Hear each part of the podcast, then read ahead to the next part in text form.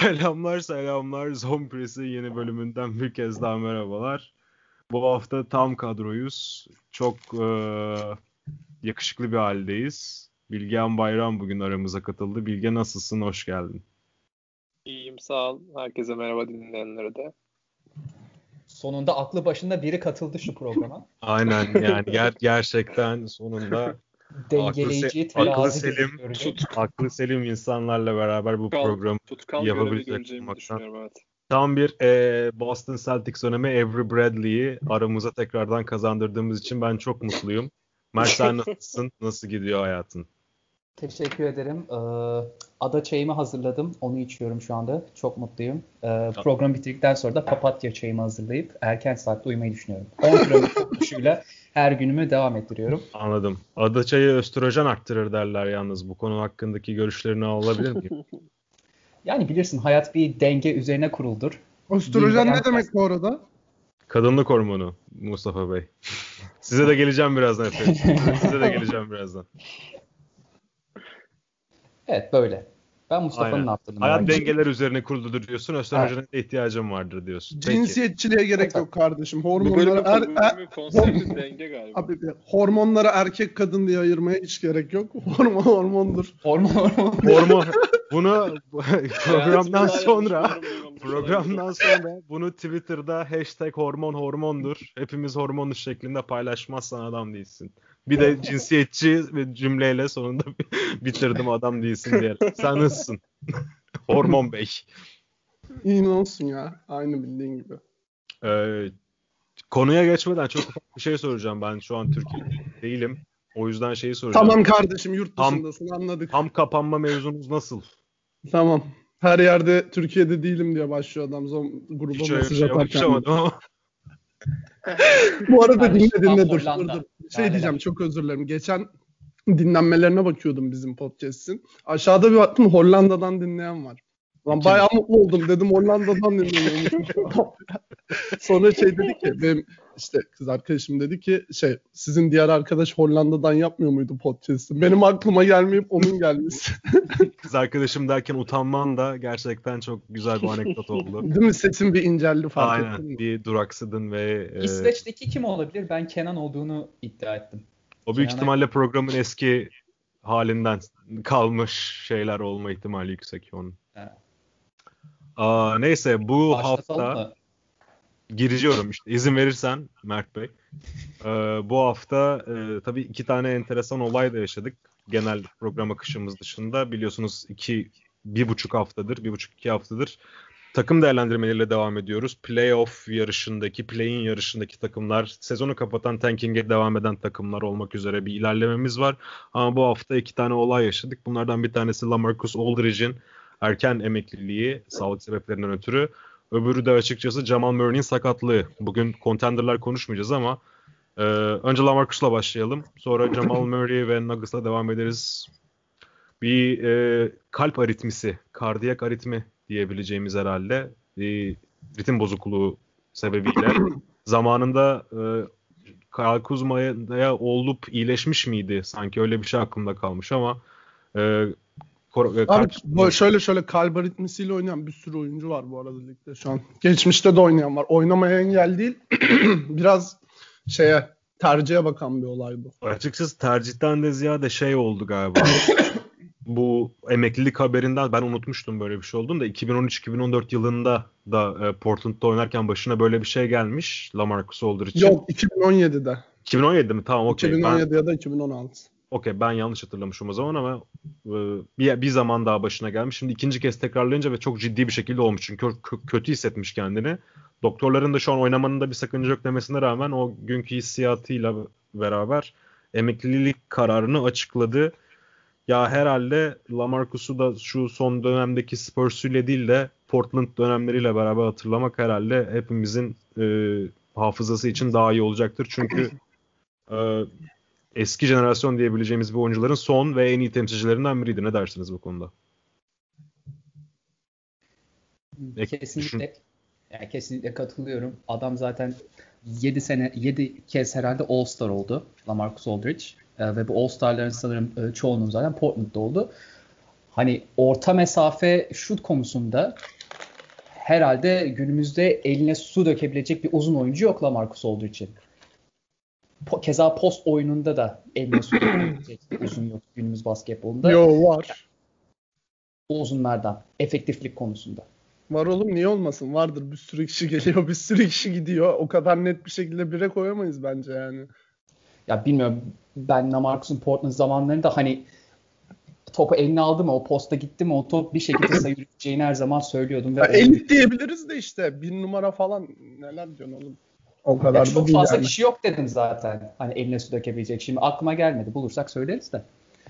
Yani her zaman saygıyla hatırlayacağımız bir oyuncu. Bu da tabii üzücü basketbol adına. Eski dönem, eski usul oyuncuların aramızdan birer birer kayması insanı hüzünlendiriyor. Bilge senin de sağlıklı bir yaşam sürer. Bilge senin de pasını atmak için sana da Lamarcus'la devam edeyim istersen. Senden de birkaç cümle alalım. Ondan sonra Mutiye Cemal'la beraber bırakacağım sözü. Çünkü biraz üzgün o fanteziden mütevellit. Ya 2006 draftı ve hani böyle lige ilk geldiğinde falan ben daha yeni tabii o zamanlar NBA'yi takip etmeye falan başladığımda hiç böyle bu kadar uzun sürekli bir kariyer hani yapacak gibi gelmedi lige. Tamam hani üst sıra ee, gerçekten de hani beklenti çok yani 15. senesinde hala da e, belli bir e, rolü olabilen ve hani şu anda şampiyonluk yarışında olan bir takım. Nets e, oyuna 2-3 maça çıkabildi belki ama gayet uçtu. E, bu takıma bir, bir şeyler katabileceğini de göstermişti. Hani 15-16 yaşında bir oyuncunun bunları gösterebiliyor olması gerçekten çok takdire şayan bir şey böyle. Ve hani kariyer istatistikleri falan elde ettiği başarılar da ortada. İnternetinde bir sorun var galiba. Bilge senin internet gidik şu an. Gelmiyor sesin. Ha, gel gelmedim sesin. Kopuyor, geliyor, kopuyor, cızırtı oluyor. Kopuyor, kopuyor. Duymuyoruz yani bir kısmını. Telefondan falan mı aldın istiyorsan? Nerede, en son nerede kalmıştı? Şu an telefona geçtim. Ya bir ke- şey komple kesilme yok da işte bu arada takıldığı için akış bozuluyor sanki. Yoksa akışta bir sıkıntı yok. Yani şey ben Devam. en son açıkçası 15 yıllık bir kariyere sahip olma kısmında kaldım ama belki başka bir şey söylediysen duyamadım devamında maalesef. Hmm, tamam. Nereden alayım? Ya yani oradan mı alayım? Keyfim bilir. Okey. Neyse özetleyeyim söylediğim şeyleri en azından. Ee, yani bu kadar e, uzun süreli bir kariyere sahip olmak bile hani başlı başına bir oyuncunun saygı duyulması için yeterli ve bunu da gayet hani bireysel olarak e, başarılarla doldurmuş olması, işte All-Star seçilmesi, istatistiklerinin, genel istatistiklerinin gayet tatmin edici olması. Yani Marcus Olgridge'in değerini gösteriyor bence. Jamal Murray ile devam edelim. Jamal Murray ve Denver Nuggets şu an tabii Batı konferansına geçtik aslında da contender diyebileceğimiz takımları sonraki haftalara bırakıyorduk. Emre ya çok affedersin.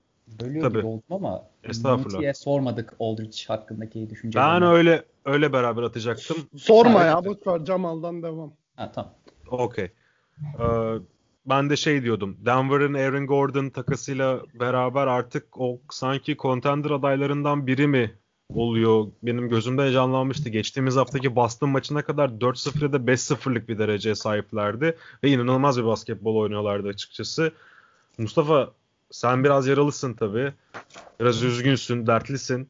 Jamal Murray'nin kaybı hem senin fantezi takımın hem de Denver Nuggets'a neler kaybettirir diye sorayım. Çok şey kaybettirecekler açıkçası. Kardeşim öncelikle Jamal Murray'nin sakatlığı iki tane contender'ı bitirdi. Bir beni bitirdi. bir de Denver'ı bitirdi. İkisini de bitirdi. Şöyle özetleyeyim.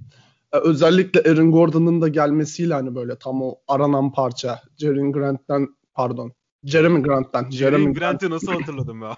ha şey Detroit Guard. Zor olanı hatırladı gerçekten. Jeremy Grant'in gidişiyle o dolmayan o parçayı müthiş doldurmuştu zaten. Dediğin gibi hani kaybetmeden gidiyorlardı.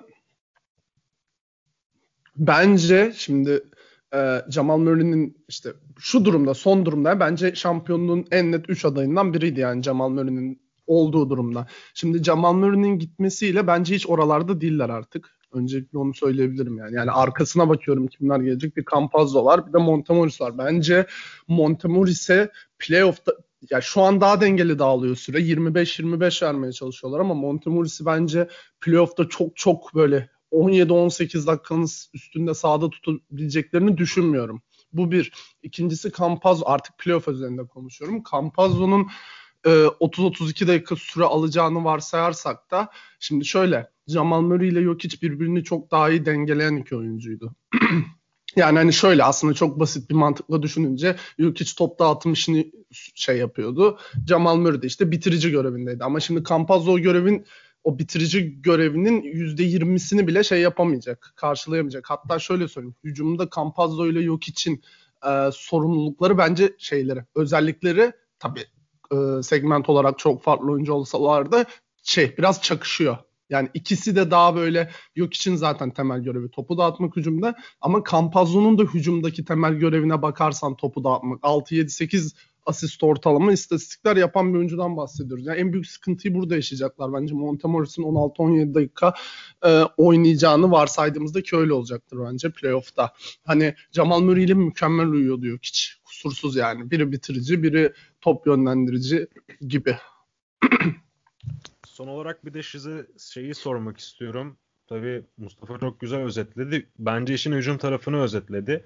Jamal Murray her ne kadar savunmayla pek alakasız bir oyuncu gibi gözükse de ve kısa boylu bir oyuncu olsa da bence boyuna göre çok iyi bir fizik sahibi oyuncu ve en azından Aynen. oyuncuların karşısında kalabiliyor. Şimdi Montemoris ve Facundo Campazzo gelince bu iki tane hobbit çelimsiz bebe sıkıntı yaratacaktır. Siz ne düşünüyorsunuz Mert ve Bilge? Ufak bir toparlama alıp ondan sonra da Batı Play'in yarışına geçelim derim ben. Playoff'ta ya. fizikli takımlara ha, sen sen başla Bilge. İkinize de katılıyorum aslında dediklerinize. Emre senin eklediğini de hani gerçekten ilginç bir noktadan ele aldın. Çünkü genelde hani Jamal Murray'nin olması hep işte o son bitirici vuruş yapacak oyuncu eksikliği gibi algılanıyor da savunmada da gerçekten bayağı bir eksi yazacak. Çünkü Campazzo çok çok hani fiziksel olarak sıkıntıları olan bir oyuncu öyle söyleyebilirim. E, Montemoris'in de zaten öyle çok hani herkesin karşısında durabileceğini söyleyemeyiz. Ee, hani böylece aslında hem hücumda hem savunmada aldıkları yarayla beraber herhalde contenderlık işi tamamen bitti Denver için ve biraz artık hani şeye bakacaklar herhalde. Aaron Gordon'u bu sisteme nasıl daha iyi oturturuz? İşte Michael Porter'ı biraz daha kullanmaya çalışacaklar e, bitiricilik rolünde. Ama e, gerçekçi olmak gerekirse hani üzücü de olsa onlar için biraz sezon bitti gibi diyebiliriz bence artık. Ben bir şey söyleyeceğim Mert girmeden. Şimdi ikinci dediğin kısmın hepsine katılıyorum da o Michael Porter'a bitiricilik görevinin kayacağı Aaron Gordon'ı sisteme nasıl oturturuz düşünecekler okey. Ama bence savunmada Denver'ın şeyini arttıracak Campazzo'nun olması. Campazzo'nun boyu 1.80-83 falan ama müthiş bir birebir savunmacı.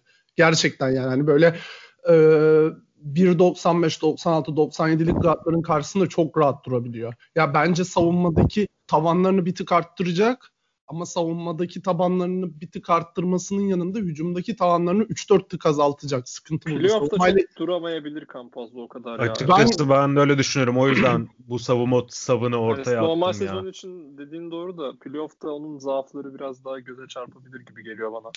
Ya bilemiyorum ben savunmada ya. iz, şey yaptığım kadarıyla söylüyorum ya ben hiç hiçbir şey eksilteceğini düşünmüyorum. Hatta üstüne koyacak. Ben çok çok iyi savunmacı çünkü. Ya olası bir Utah eşleşmesinde tamamen geçen seneden gelen bir şeyle Farizi'yi söylüyorum. 45 dakika Donovan Mitchell'ın karşısına nasıl vermeyi düşünüyorsun Campazzo'yu?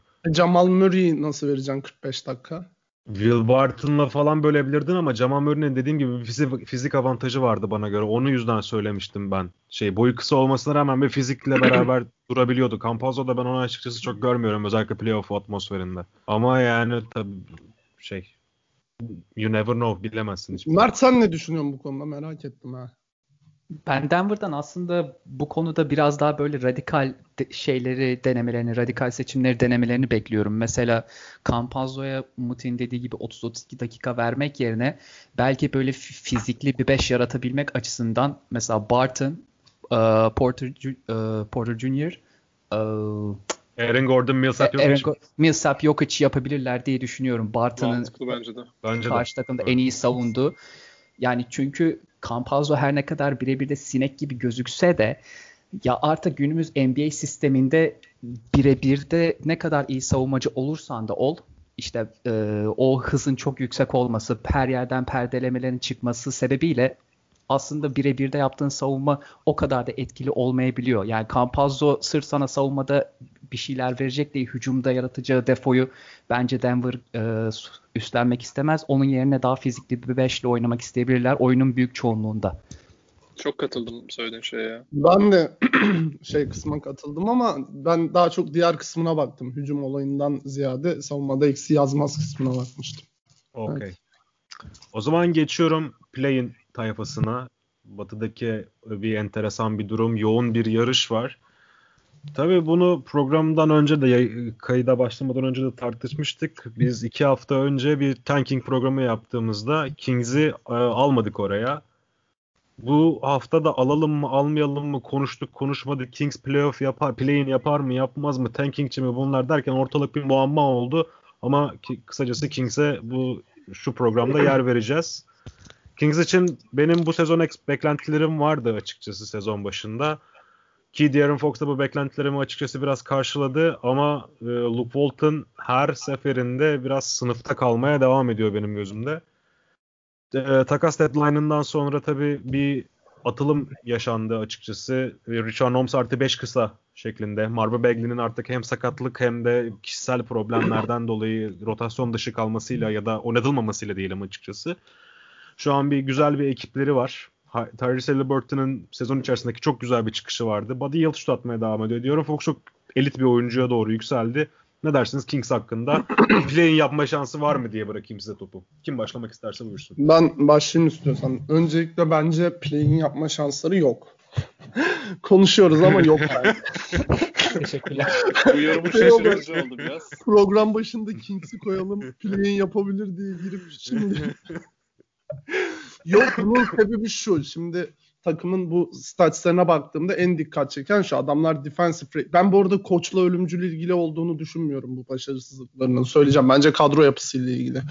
Ee, şimdi defensive rating'de 30. Direkt buradan başlayalım. Yani bunun da en büyük sebebi ne? Direkt şey e, böyle Şimdi iki tane çember savunucuları var adamların. Bir işte 27-28 dakika oynar Richard Holmes bir de Whiteside. Whiteside'ın zaten hiç oralarla alakası kalmamış. Richard Holmes'a da baktığında çok küçük bir çember savunucu. Hani gerçekten çok küçük. Hani hiç oraları götüremiyor. Yani defensive rating'de 30. olmasının sebebi en büyük sebebi çember savunucularının olmaması. Onun harici... Ya, ben sana şöyle söyleyeyim. 31. olmamalarının sebebi Richard Holmes gibi bir şeyle bırakayım sana yani. 30'dan da daha kötü olabilirlerdi o kadro yapısıyla. Richard Holmes en azından bir nebze ayakta tutuyor takımı. Bir nebze yani. Yani bir nebze ama yine de şey e, kötü bir yani aslında çabalıyor ama hani hiç böyle statslarını falan bakmayan gerçekten çok minik olduğu için duramıyor yani bir yere kadar durabiliyor karşısında şeylerin. Omuzları da çok minik. Bir açım fotosuna falan filan bir bakın gerçekten hacim olarak çok küçük bir oyuncu. Birinci sıkıntı bu. Defensive rating konusundan Richard Holmes'tan kaynaklanan bence. Diğer sıkıntı da takımda hiç organizasyon yok. Ya gerçekten sıfır. Yani Hill, Barnes, Fox. Oraya bak Harkless'ın zaten hiç topla alakası yok. Diğer üçü tamamen bireysel tamamen bireysel. Fox gidiyor içeri dribbling ediyor. Mid shoot deniyor şey yapıyor. Hill'la Barnes gerçekten topu sektirmeden elin, elin direkt eline aldıklarını atıyor. Hiçbir organizasyon falan yapısı yok bunlarda. Yani aslında şöyle baktığında kadroya böyle rotasyona baktığında hiç fena değil bence rotasyonları. Yedekte de Halliburton Terence Davis, Delon Wright falan filan var aslında. Çok çok kötü diyemeyiz yedeklerine de. Yani yedeklerden de bir şey çıkarabilirler. Ee, sıkıntı bu ya. Ben burada açıkçası şey e, şöyle yani saf savunmacıları yok öyle söyleyeyim. Çember savunucusunun haricinde hücumdaki sıkıntılardan bahsettim. Ee, bir de saf savunucuları yok. Şuraya baktığında mesela Hill, Barnes, Fox üçlüsüne baktığımda Fox tüm şeyini, enerjisini hücumda harcıyor. Hill'la Barnes da çok pek alakaları yok gibi. Hani çember savunmacıları da yok gibi bence. Hani çok fiziksiz kalıyor dediğim gibi. Ee, burada ya bu takımın 25. olması bile mucize yani bu kadro yapısıyla. Koçla neden çok çok ölümcül alakası yok? Neye bakarak söyledim? Pace'de 8.ler. Hani ligin en hızlı oynayan 7-8 takımından biri bu. Yani tam aslında takım yapısına uygun oynatıyor Bolton ama işte sıkıntı bence e, kadro yapısından kaynaklanıyor.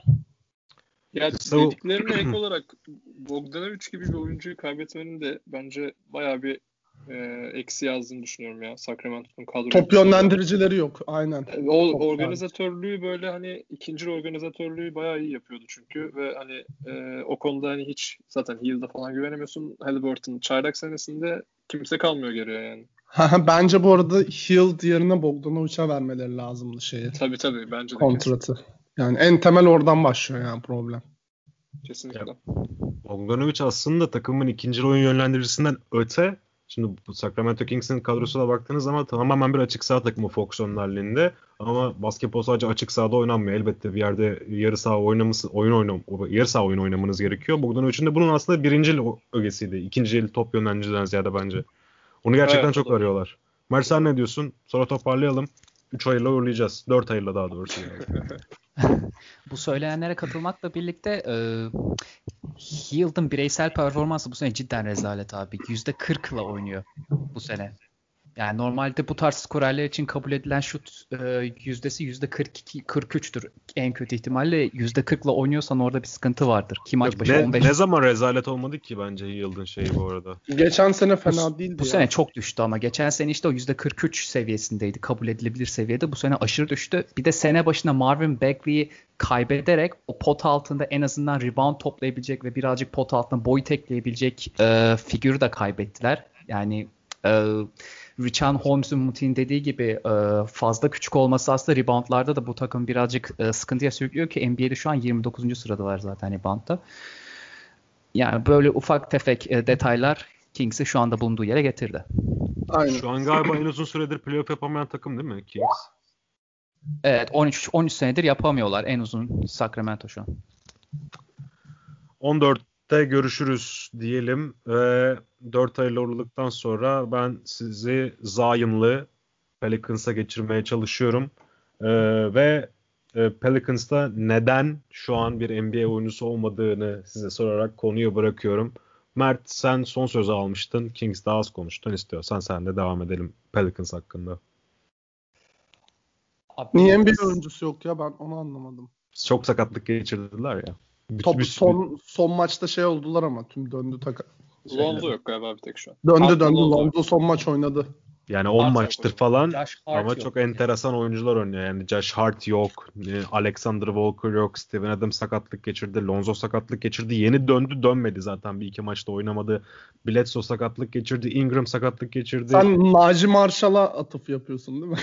Şu an galiba onu yapıyorum. Adını unuttum. Kim? Naci kim? Marshall. Naci. Ama hiç fena oynamıyor bu arada. Evet.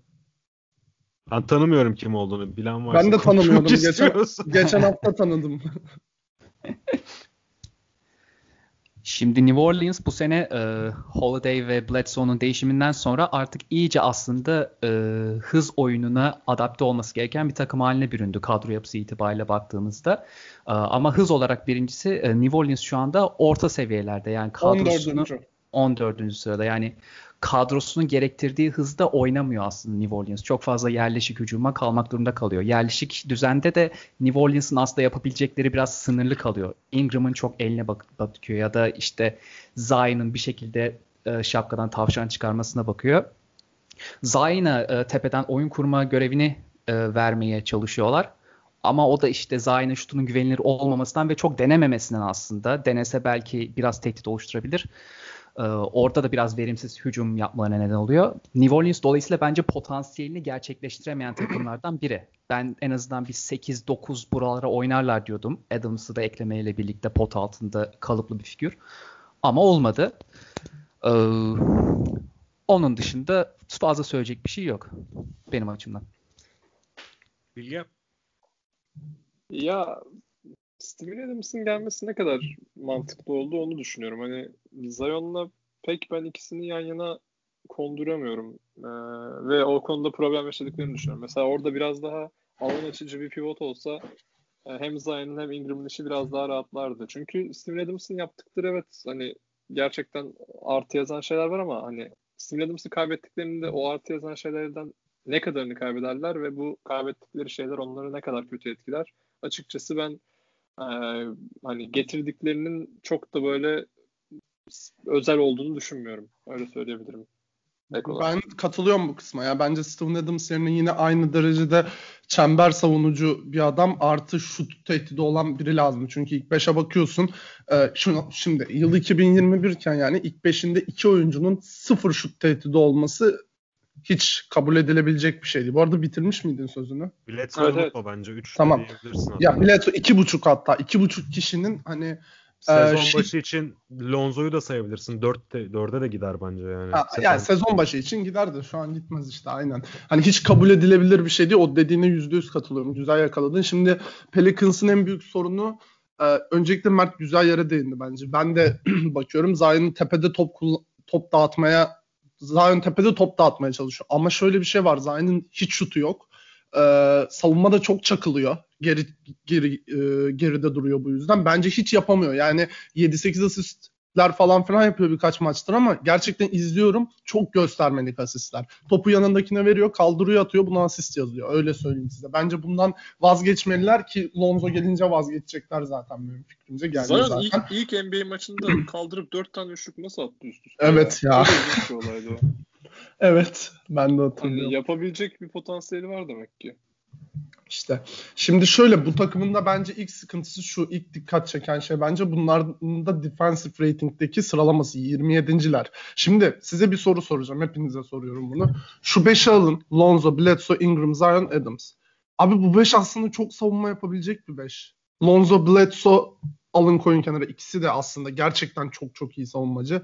E, Adams bir şekilde götürür. Ingram çok çok ölümcül eksi yazmaz. Zion da ufaktan eksi yazmamaya başladı. Hani bu takım niye 27. defensive rating'de? Hele iki tane bu kadar çok, çok iyi kısa savunmacısı varken gerçekten çok iyi kısa savunmacısı varken diğerleri de öyle çok çok eksi yazmıyor. Yani mesela bu takım Frank Vogel'ın falan elinde olsa çok daha iyi bir savunma takımı çıkarıl, çıkarılabilir yani. Aynen. Yüzde yüz. Mesela az önce Kings'in 30. olmasını ben koça bağlamadım ama bunların 27. olması yüzde yüz koça bağlı. Şimdi e, şöyle bir şey var. Şimdi ben biraz şu kısma gireceğim. Emre izin verirse sonra siz de girersiniz. Ee, bence vermiyorum önce... desem ne yapacaksın? Şimdi bence bunlar öncelikle play'ine girer mi girmez mi konusunda en ortadaki takım. Gerçekten hiçbir fikrim yok. Spurs mu Pelicans mı girecek? Gerçekten bir fikrim yok. Pelicans girerse e, Memphis'le eşleşmeleri durumundaki yüksek ihtimal ben bunların play-in finaline çıkacağını düşünüyorum. Memphis'e Memphis'in karşısında biraz da bu kısma bakayım dedim şeyi saydım. Finalde de Memphis elenirler herhalde. Açıkçası Dallas'ı niye unuttun? Dallas ya da Portland tam bir de play-in potasında kalacak. Yok kalacak da şimdi şöyle Pelicans 10'dan girerse büyük ihtimal Grizzlies'la eşleşir. Pelicans 10'dan girerse büyük ihtimalle Dallas ya da Portland'la eşleşir ve elenir. Hayır abicim anlamıyorsun. Yok. Şimdi Öyle anlamadın sen mantığı. Play'ini yanlış bir şey sen büyük ihtimal. Play'in nasıl biliyor musun? 9 ile 10 maç yapıyor. 8 ile 7 maç yapıyor. 7 18 9 değil mi? Ben öyle Hayır biliyorum. abi yok yok alakası öyle yok. Öyle mi? Okey. Ben yok. 7 18 9 yapıyorum. Kap, yok Mutin'in dediği gibi. Kapat. Kapat. kapat kapat. Kimlerle? yok yok öyle değil o. Abi şimdi şöyle çok kısa özet geçeyim hazır play'inden konuşuyoruz. 9 ile 10 maç yapıyor. 7 ile 8 maç yapıyor. 7 ile 8'in kaybedeni 9 ile 10'un kazananıyla oynuyor. 7 ile 8'in kazananı 7. oluyor. 9 ile 10'un kazananıyla 7 ile 8'in kaybedeni oluyor. yapıyorlar. Tamam anladım. Aynen. Tabii 8. şöyle bir şey var. 8.'nin bir kere kazanması gerekiyor. 9'un Üsttekilerin kere... hepsi bir kere kazansa yetiyor. Okey ben şey, aynen, aynen. normal playoff sıralaması gibi 7 18 9 sonra devam ki diye Yok yok ama ben her şeye rağmen her şeye rağmen e, Spurs'u geçmeleri durumunda bunları da play'inde ümitliyim ben. Yani Grizzlies'ı eleyeceklerini düşünüyorum. Finalde de belki Mavs'le falan yaparlarsa böyle belki bir şeyler çıkarabilirler. Ya Kings gibi imkansız bakmıyorum. Spurs'e de imkansız bakıyorum mesela play'ine çıksalar. Çok güzel özetlediniz. Ben de şöyle bir toparlama yapayım. Açıkçası bu sezon başında böyle bir takımın kurulması bana göre biraz hataydı. Çünkü o yüzden Mustafa'nın şutör e, lafına girmiştim. Çünkü sezon başında Lonzo da böyle şut atmıyorken %40'lara çıkardı şu an üçlük yüzdesini. Ve bayağı volümlü dot yani maç başı 8-9 üçlük deneyip %40'larla isabet buluyordu sakatlanmadan önce. Ama sezon başındaki formasyona baktığın zaman Lonzo, Bledsoe, Zion ve Steven Adams'ın aynı anda sahada kalabileceği bir 5 yaratamazsın şu an günümüz basketbolunda. Yani bunların hiçbiri de yani Lonzo da mesela yarı sahada o kadar e, verimli bir oyun kurucu formülünde bir oyuncu olduğunu da düşünüyorum. Değil, ben hiç değil, değil zaten yani. Hiç değil. Bledsoe'dan böyle bir şey zaten görsek Bucks bırakmazdı. Brogdon'a falan tercih ettiler adam zamanında. Onun haricinde Zion'dan şu an çıkardıkları bir te, e, merkez oyun kurucu. Neredeyse şu an geçen hafta çıktıkları bir 5 vardı zaten Allah evlerden korusun yani. Steven Adams yok Steven Adams değil. Hernan Gomez, Jackson Hayes, James Johnson. E, bir eleman daha Zion bir numara oynuyor. O, Najee Marshall falan yani. Tövbe bismillah. Çok kötü. Yani bir de Zion'ın sizin dediğin çok Kyrie Lewis Jr. oynuyordu ilk 5. Bayağı oynadı. Nikel Alexander Walker oynadı. O da şanssız bir sakatlık geçirdi bu arada. Josh Hart gerçekten fantezimde diye söylemiyorum ama yani bir sakatlanmadan önce bir, bir ay geçirmiş hakikaten. Onu da bir anmak isterim. Son olarak şey söyleyeceğim. Zion'dan bu rolü yaratmaları açıkçası çok zor. Çok yani böyle zor. Bir, böyle bir böyle bir oyuncu çıkarmak Zion'dan neredeyse imkansız bu üçlünü geliştirmediği sürece. Evet. Hani Zion'ı kimle kıyaslayabilir? Şu an iki tane oyuncu var benim kafamda. Bir açıkçası Yanis oyun Hı-hı. şekli olarak bir tanesi de Randall bana göre. İkisinin de belli evet. ölçüde şutu var. Ve ikisi de bir şekilde savunma baskısını üzerine çekip bir alan açma şansı yarattılar ve bu şekilde özellikle mesela geçen programda siz çok güzel konuştunuz. Mert'in bahsettiği hem Randall, Randall'la Barrett'ın handoff ikili oyunları hem de Reggie Block gibi işte kaç tane şutör varsa artık bir tane iki tane var zaten yok şutör.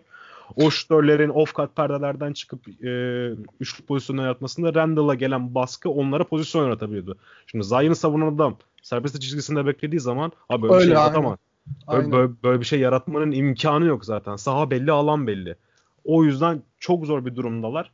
Ben savunmalarının açıkçası bir umursamazlıktan kaynaklandığını düşünüyorum. Stan Van Gundy bence yapabileceği en işlerden birini çıkardı. Takımı şu an burada tutması bile bence mucize. Ben kötü bir sezon geçirdiğini düşünmüyorum koç açısından. Bir de takımın bench'i rotasyonları çok sıkıntılı oyunculara sahipler. O yüzden savunmada da düştüklerini düşünüyorum. Yani gerçekten bir ara çok da sakatlık yaşadılar gerçi de. Hani gerçekten şu an Najee Marshall'lara falan geldiysek Kyrie Oğlum Najee Marshall geldi. gerçekten kötü. Abi kötü gerçekten değil tamam da NBA abi. oyuncusu diye bana savunma şimdi bana burada Najee Marshall'ı ya. tamam kötü değil eyvallah. iki maç oynadı diye onu topçu yaratma benden. Neyse. Ee... Ya buraya bir formül önereyim hemen ben bitmeden. Bir şekilde Zayn ilk 5'te oynayacaksa işte şey Zayn'ın ya 5'te denemeleri lazım ya da e, o da bu sene olacak iş değil ya da Adams'ın yerine böyle Mo Wagner tarzı işte ama daha çok çember savunabilen bir şey koymaları lazım. Yoksa bu Zion Adams ikilisiyle olacak iş değil. Abi o kasa bir topçu bulmak da zor bu arada ha. Yani tamam üçlük atan çember savunan uzun diyoruz da yani Brook Lopez'den başka kim var öyle aklınıza gelen orta seviye mediocre olanlardan? Yok benim aklıma gelen şu an. Var mı? Düşünün ben merak ettim. Luke Cornet falan var yani. Kim var Ibaka abi? olabilir. Ibaka. Ha mesela Ibaka. Uf. Mesela. İnanılmaz yani. fitmiş. Ama onun da şutuna güvenir misin? Ben Lopez kadar Güvenirim. diye. Lopez, Lopez kadar, kadar güvenemem ama en azından boş bırakamazsın Adams'ı Doğru. gibi. Şu olay zaten en... orada aslında olay zaten orada aslında şut atıp atabilmemesi değil. Ya şut atan hani uzun senin... deyince aklına gelen adam Mo Wagner diye bunu Aynen. dedim ben. Ya yani boş bırakacak kolay, kolay boş bırakmamalar yani. lazım anladın mı? Uzakta durmamalar lazım. Yerleşme açısından çok sıkıntı yaratıyor. Okay. Lonzo ile ilgili küçük bir şey eklemek istiyorum. Buyursunlar. Ya lige ilk geldiğinde Lonzo hep böyle işte Jason Kidd falan benzetmesi yapıyordu yani. Daha çok elinde böyle topu isteyen ve hani oyunu kuran klasik oyun kurucu tipi. Lonzo da oyunu çok evrildi sanki. Yani topsuz oyunda daha iyi bile diyebilirsin şu an. Az önceki o yarısa basketbolu muhabbetinden geldi aklıma. Hani şu anda çok da mesela keçen şuta evrildi oyunu falan Aha. ve hani açık açık sahada o mesela o oyun kuruculuğunu kullanıyor. Ama yarı sahada böyle topu çok da vermezsin yani Ingram ve Zion'dan oyunu kuruyorlar zaten genelde. Onu eklemek istedim. Abi şöyle katılıyorum şöyle zaten topsuz oyunu bir oyuncunun iyi olmasıyla şutu olmasının arasında bir korelasyon var. Yani bir oyuncunun şutu varsa zaten oralara daha çok yönelmeye evet. başladı. Lonzo şutunu çok geliştirdi. Gerçekten maç başı 3 tane mi ne, ne atıyor şu an yani hani kim ayarında atıyor böyle NBA'deki elit şutörler ayarında üçlük atıyor adam şey yani value olarak rakam olarak evet. yani. Hani bu da onunla bence evet korelasyonu var yani katılıyorum bu konuya. Başka eklemek isteyen bir şey yoksa geçiyorum ben. Kime geçiyorum? San Antonio Spurs'a.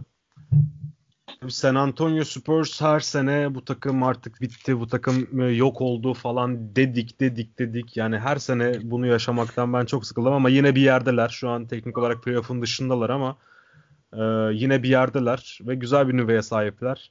Tabii Lamarcus'u konuştuk hem buyout zamanı konuştuk hem bu programın başında konuştuk.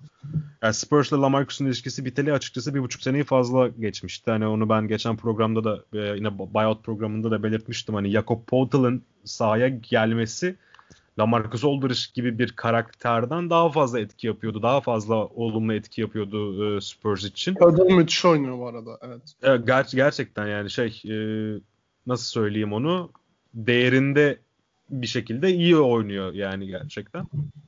Onun haricinde ben şeyi atmak istiyorum size.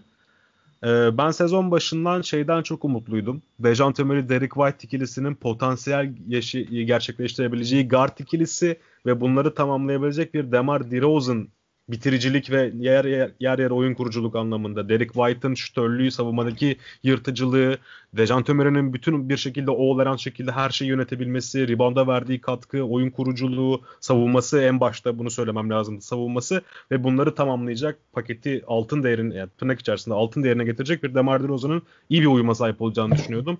Yine sakatlıklar, yine Covid, yine sakatlıklar, yine Covid Kime bırakayım sözü? Üzücü bir sezon oldu benim için. Bence e, bir benim bir ümidim vardı ama Batı çok zor e, ve sakatlıklar da için içine gir, girince e, Spurs buradan çıkamadı ve kendini play-in pot, potasında buldu. Kim değerlendir toparlamak Bırak ister? sana istiyorsan şu son dediğin Bilge, Bilge'ye vereceğim de Bilge burada mı? Bilge'ye vermek istedim ben. Hmm. Var mı Spurs konusunda eklemek istediğim bir şey?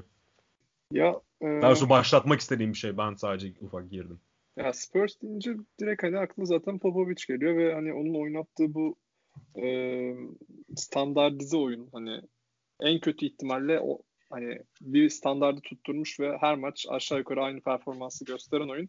Hani şu anda mesela bu hem Covid hem de sakatlıkların silip süpürdüğü NBA'de bir değere sahip bence.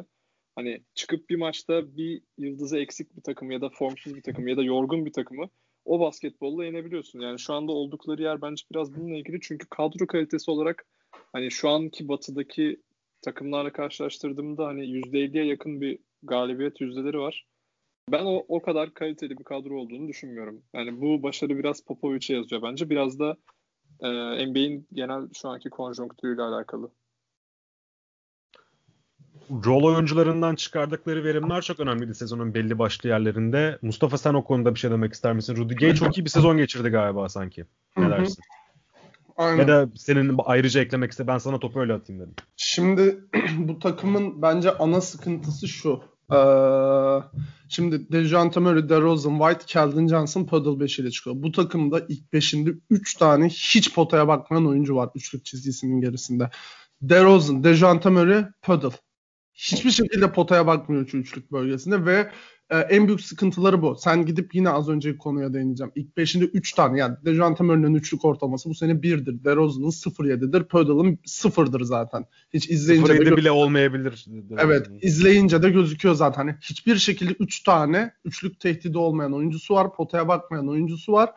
Ee, en büyük sıkıntı buradan kaynaklanıyor. İkinci senin dediğin kısma yorum yapacağım ben. Dejante Murray artı White'dan bir şeyler bekliyordum diye. Evet normal şartlarda bu ikisini uygun bir takıma koysan gerçekten inanılmaz birbirini tamamlayan bir ikili. İnanılmaz ama burada işi bozan DeRozan. Hani bir DeRozan şimdi dedik ya sen az önce ne dedin? DeRozan'ı bitirici rolde bekliyordum dedin. Bence de DeRozan'ın Dejante varken zaten bitirici bir rolde olması lazım. Ama DeRozan oyun kurma bu sene en çok asist ortalamasına sahip oyuncusudur San Antonio Spurs'un. Hani Dejante ile DeRozan arasında bu konuda bence bir problem var. Hani ikisi de aynı şekilde 7-8 asist yapmaya çalışıyor falan bu sıkıntı. Bence DeRozan'ın daha bitirici bir rolde oynaması lazım. Hani bu kadar topu alıp elinde dolandırmamalı. En büyük sıkıntıyı bu şey yapıyor. Ee, onun harici de DeRozan'la DeJounte çok top kullandığı için Derek White biraz body görevinde oynuyor bu takımda. Gerçekten alıyor şutunu atıyor sadece. Derek White'ın da bence bir tık daha etkin rol alması lazım. Bu arada 3 e, kişi hiç potaya bakmıyor dedim. Aslında Keldon bakıyor ama Keldon da amacı ilk üçlük atayım değil. İlk drive edeyim. Hani gerçekten aslında bakınca 4 tane Derek White hariç Gerçekten Derek White da drive ile öne çıkan oyunculardan biri. Ama tamam. Derek White çok üçlük atıyor bu sene ya. Geçen Mecburiyetten maçta... atıyor olabilir mi? Olabilir belki ama bence bilemedim. Yani ilk sıkıntısı bu bu takımın ya. Hani ilk beşi problemli yani. Gerçekten ben mesela Eubanks Puddle'ın yerine yedekten girdiğinde ben şunu fark ettim takım inanılmaz rahatlıyor. Puddle müthiş bir oyuncu. NBA'de uymayacağı takım yok bu arada. Gerçekten çok beğeniyorum. 24 ee, yaşında da geleceği de inanılmaz var bence bu ligde 10 sene götürür. Ama Eubanks Puddle'ın yerine girdiğinde her ne kadar çok daha alt segment bir oyuncu olmasına rağmen takım çok daha rahatlıyor. Çünkü e, ilk 5'te artı bir tane daha şut tehdidi olan bir oyuncu daha barındırabiliyorsun. Bu da en büyük sıkıntısının bu potaya bakmayan oyuncular e, olduğunun kanıtlarından biri bence. Mert? Tabii bu kadar eksi yazan özelliklerinden bahsettik ama San Antonio'nun... çok özür dilerim. Drew Eubanks yerine Trey Lyles falan demek istemiş olabilir misin? Yok Drew Eubanks ya. Drew Eubanks'in şutör olduğundan emin değilim. Şey yapıyor. Mid atıyor. Çok iyi mid atıyor. Orta mesafeyi açıyor evet. Bayağı iyi atıyor hem de. E şu üçlük? Üçlük atmıyor ama üçlüğün okay. hemen bir, okay, bir, tamam. tık önü, bir tık önünden atıyor. Şöyle düşün Pödel hiç atamıyor. Okay, hani hiç hiç. Anladım anladım. anladım. Aynen. Rahatlatıyor bir tık yani sene başında işte Lamarcus Aldridge e, her ne kadar hareketsiz bir oyun oynasa da en azından o alanı açma konusunda takıma birazcık daha yardımcı oluyordu ve Aldridge topu aldığında potaya direkt bakıyordu. Yani Mutin'in dediği o Kelton Johnson aldığında bakıyor ama denemiyor kısmı sene başında Aldridge ile halledilebiliyordu. Şu anda söylediklerine %100 katılıyorum. Ee, yani bu takım tabii bir Popovic takımı olarak en doğru şekilde potaya gitmeye, en doğru şekilde sayı bulmaya çalışıyor ama bazı anlar oluyor ki takımınızda bir tane agresif e, skorer, bir tane böyle e, her aldığında gerçekten sayıya gitmeye çalışan oyuncu istiyorsunuz. Ve bu takımda onu yapan oyuncu aslında Perry Mills bana soracak olursanız. Yani böyle hiç e, yan etkileri düşünmeden sadece sayıyı düşünen Perry Mills var. Ama Perry Mills'a işte ne kadar güvenebiliyorsun, ne kadar istikrarlı olduğunu düşünüyorsun tartışılır. Ama e, bu eksi yanlarının yanında tabii San Antonio'nun neden play-in'de aslında olabildiğinin e, cevaplarından birisi de alan e, takım savunmasını çok iyi yapabilmeleri. Yani o, oyuncular Aynen. bireysel olarak zaten acayip bir nüve var. Acayip evet. bir nüve. Ve ya. çok enerjikler, çok enerjikler. Evet. Yani Kesinlikle. bireysel anlamda da iyi savunmacılar ama işte görüyorsun yani New Orleans'ta da bireysel savunma konusunda iyi oyuncular var diyoruz ama takım savunması başka bir olgu. Yani San Antonio e, özellikle boyalı alana bir oyuncu e, drive ettiğinde kimi boş bırakacağını iyi biliyor. Dışarıda kimi riske etmesi gerektiğini biliyor. E, bu konuda da haklarını vermek gerek. Ve e, hücumda da şuna değinmek isterim Santo ile ilgili. Şimdi oyuncular diyoruz ya hani potaya bakmıyorlar, üçlük konusunda agresif değiller. Ne olursa olsun e, bu takım hani o oyuncuları orta mesafe üzerinden yönlendiriyorlar oyunu. İk, ikilik konusunda da NBA'in aslında en iyi takımlarından biri baktığımız zaman. Yani en çok ikilik deneyen e, takım e, sayı bulma konusunda da dördüncüler. Yani aslında ellerindeki malzemeyi hücumda da iyi kullanıyorlar. Ama birazcık işte sistemleri günümüz NBA'ine uymadığı için daha fazla üçlük deneyebilen takımlara karşı ekarte ediliyorlar. San Antonio'nun play-in ile ilgili şöyle bir sıkıntısı olacak. San Antonio şu anda önümüzdeki en zorlu fikstüre sahip takım neredeyse. İk, Onlar ikinci takım sanırım. Covid, Covid yüzünden acayip maç kaçırdılar. Zorluktan mı bilmiyorum. Sizin o al, müthiş algoritmanız, isim vermediğiniz algoritma bilmiyorum ama şey maç sayısı çok fazla. Eksik maçların hepsini bu ara oynayacak San Antonio. Eksik maçlar var. 3 tane Phoenix maçı var. 2 tane Utah maçı var bu takımın. Yani e, bir tane New Orleans maçı olacak mesela. E, o da yani ölüm kalım maçı gibi bir şey olacak. Yani San Antonio bilmiyorum şimdi hücumla ikilik oynayarak, orta mesafe oynayarak bir yere kadar getiriyorsun ama karşındaki takım gününde olduğu zaman sen ne kadar verimli hücum edersen et bazen işler olmuyor. O tarz durumlarda San Antonio'nun verecek cevabı yok. Ben e, fikstür dezavantajını da göz önünde bulundurarak New Orleans'ın San Antonio'yu alt edebileceğini düşünüyorum önümüzdeki maçlarda ve San Antonio'nun playoff dışında kalabileceğini düşünüyorum. Ya San Antonio buradan çıkarsa gerçekten çok acayip bir iş yapmış olacaktı ve Greg Popovich'e gerçekten bir şey daha e, payı biçmemiz daha gerekecektir. Benim çok ufak ekleyeceğim şey Paddy konusunda olacak. Çünkü gerçekten bu takımın topla beraber sayı yaratabilecek tek oyuncusu bana göre şu an baktığım zaman DeRozan'ı dışarıda bırakıyorum tabii. O ana yönlendirici ve yeri geldiği zaman ana bitirici olan oyuncu. Ama bunun dışında sadece elinde Patty Mills var. Ve elindeki oyuncu tam Mills'a ben çok saygı duyuyorum. Bu arada inanılmaz bir kariyere sahip bence. Hala bu yaşında 33 yaşında sanırım bu şekilde hala bu, bu kadar yüzdeli bir şut atıp bu kadar fizik dezavantajına rağmen bu kadar uzun süredir NBA'de hala bir yere sahip olması gerçekten çok saygı hak ettirecek bir şey. Ama işte o oyuncu Pedimins olunca zaten senin 10'unculuktan yukarı çıkman çok zor oluyor. Bilge var mı eklemek istediğin bir şey yoksa Golden State'e geçeyim mi? Biraz daha bence. karışık zaten. Evet evet geçelim.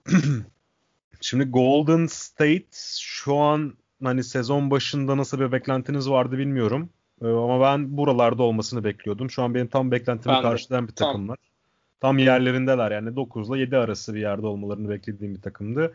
Biraz Stephen Curry övmek istiyorum müsaadenizle. Şu an benim gördüğüm en one man show diye tabir edebileceğim tek adamın tek adam rejimi yaşatıyor resmen. Yani bir oyuncunun varlığının bir takımın ilerleyişi, progresifliğiyle, progresyonuyla beraber bu kadar ilintili olan ben başka bir şey görmedim hayatımda. Stephen bir Curry'nin örnek sayabilirim. Benzer. Bu, benzer sayarsın. Ben de tahmin ediyorum. Belki Iverson diyebilirsin. Şu an aklıma ilk o geldiği için söyledim. 2006 İki, Kobe 2006 Kobe 2000, olabilir. 2017 Russell 2006 Kobe Muti burada olmalıydı ya. evet Kobe güzellemeleri başladı. Muti'nin yokluğundan e, faydalanıp Kobe'ye Güzelleme övmesi. deme yani güzellemekle ilgili değil yani. One Man Show dediğimizde aklımıza gelecek ilk sezonlardan biridir 2006 Kobe. Yani buna herkes katılır herhalde. Çabuk gelene ona kadar. Ona ben katılırım bu arada gerçekten şey. Yani. Evet evet hakkını verelim. Hani o şey hep 2005 Kobe değil mi? 2006 mı daha doğrusu? 2005-2006 sezonu. Okay, yani okay. o, o aralar. Ya Steve Nash'in aldığı ikinci MVP'nin o evet. sezon değil mi? Tamam. 81 sayı attı sezon işte. Neyse Stephen Curry'e bakacak olursak yani tarif edecek şey bulamıyorum. Yani şu an hani Lillard gibi, Curry gibi oyuncular o öyle bir değiştirdiler ki NBA'yi. Öyle bir çekim etkisi yaratıyorlar ki kendi çevrelerinde. Bütün savunma, bütün rakip savunma o kişiye odaklanmış durumda kalıyor. Çünkü bunlar her yerden her şekilde sayı üretebilecek oyuncular. Ve şu an Curry'nin dışındaki Golden State kadrosuna bakıyorum. Wiggins'i biraz ayrı tutacağım çünkü bu, bu sene ben Wiggins'ten memnunum. Ya bir, bir gördüğüm bir şey var en azından. Sezon, Son sezon, haftalarda özellikle bayağı Sezona tutarlı. çok kötü başlamasına rağmen ya özellikle o işte ilk iki haftaya falan çıkardıktan sonra ben Abi özellikle sezon başı Wiggins Ubre üf yani hak, hakikaten ya hak, hakikaten öyle. Ee, şey tarafından devam edeceğim işte o ilk iki haftayı bir ayı çıkardıktan sonra ben Wiggins'in oyunun iki tarafında da görevini layığıyla yaptığını düşünüyorum. Ve yani Draymond potaya bakmaz. Kelly Oubre e, şey atar, tuğla atar. Bakmasa Ye- daha iyi. Yedek gardın bir ara Brett Wanamaker'dı. O gitti. İşte Jordan Pullar'la oynamaya çalışıyorsun. Damian Lillard'le Kent Bazemore'dan ümit veriyorsun. Curry gidiyor. Yani takım yok olmuş vaziyette kalıyor. Yani G League'den hallice bir hal alıyorlar. Siz ne dersiniz? Bir de şimdi onların hakkında. şöyle bir dezavantajı oldu. Wiseman sanırım sezonu kapattı. Büyük ihtimalle öyle olacak. Ee, öyle olunca hani Wiseman böyle çok etkili bir oyuncuydu ya da harika, müthiş ötesi bir çaylak sezonu geçiriyordu demem ama Draymond'un rolü biraz daha savunmada e, yorucu bir hal alacak bu durumda. Ve bu hani zaten üstlerine çok yük biniyor ikisinin Draymond ve Stephen. Ve Draymond'un savunmada bu kadar hani yani pivot olarak oynayacak olması e, önemli dakikaları onun hücumdaki oyun kuruculuğuna ve hani oradaki e, kondisyonuna falan da etki, etki edeceğini düşünüyorum ben. Yani tamamen burada son böyle işte play'inde veya son birkaç maçta dilleri dışarıda Golden State oyuncuları görmemiz çok muhtemel geliyor bana. Özellikle Curry ve Draymond için diyorum. Mert sen ne dersin? Ee, özellikle Steve Kerr'ün bu sene çıkardığı iş konusunda. Çünkü bu sene açıklamaları falan da genelde haber olan bir koçtu. Yanlış bir şekilde yansıtılmış. Hoş geldin Mustafa gördük geldiğini. Hoş geldiniz. Hani bir, bir oyuncunun değeri olarak düşündüğümüzde en değerli oyuncu bir takım için en değerli oyuncu olabilmek diye düşündüğümüzde Stephen Curry bu sene Golden State için ne kadar e, değerli olduğunu öyle bir kanıtladı ki hem e, oynayamadığı maçlardaki Golden State'in G League takımlarından hallice performansı hem de e, oynadığında da top elinde olmadığında Yani diğer oyuncular ne yapacağını bilmiyor abi sahada. Gerçekten hele yani senenin ilk başlarında o Andrew Wiggins'in e, de tuğla attığı zamanlarda Golden State'i izlemek işkence gibiydi. Ubre bir de Ubre kafayı yiyordum. Wiggins Hayır sana şunu konuştuk diyeceğim. konuştuk. Sen yokken konuştuk. Hayır hayır hayır şunu diyeceğim. Wiggins çok Konuştuk. tuğla at- Abi anlamıyorsun. Hayır bir dakika adam Wiggins tuğla atıyor dedi. Wiggins hiç tuğla atmadı bu sezon. Hep 45'in üstündeydi. Ubre'ydi. Sene başında. Sene başında. Sene başında Wiggins de çok kötü başladı. İkisi arada çok kötü başladı Ubre'yle. Ubre 32 ile atıyordu işte. Sene başında da Curry'den e, şöyle bir rol oluşturmaya çalıştılar. Hani ben diyorum ya e, skorer oyuncunu işte iki numaraya al guardda çok yorma oyun kuruculuk göreviyle. Stephen Curry'den de onu yapmaya çalıştılar ama e, rakip savunma öyle bir odaklanıyor ki yani top aldırmıyorlar ve fizik olarak çok yıpranıyor. E, işte Abi topun Curry'de olması bence daha avantajlı oldu bu Golden State takımı için ya. İşte evet onu fark ettim son zamanlarda ve neler yaptığını görüyoruz son maçlarda da. Yani Golden State'de biraz farklı vuku buluyor bu mesele. Ee, yani bu takım senin dediğin gibi Wiseman'ı kaybettiğinde pot altında o boyutu azaltma açısından çok büyük sıkıntı yaşayacaklar.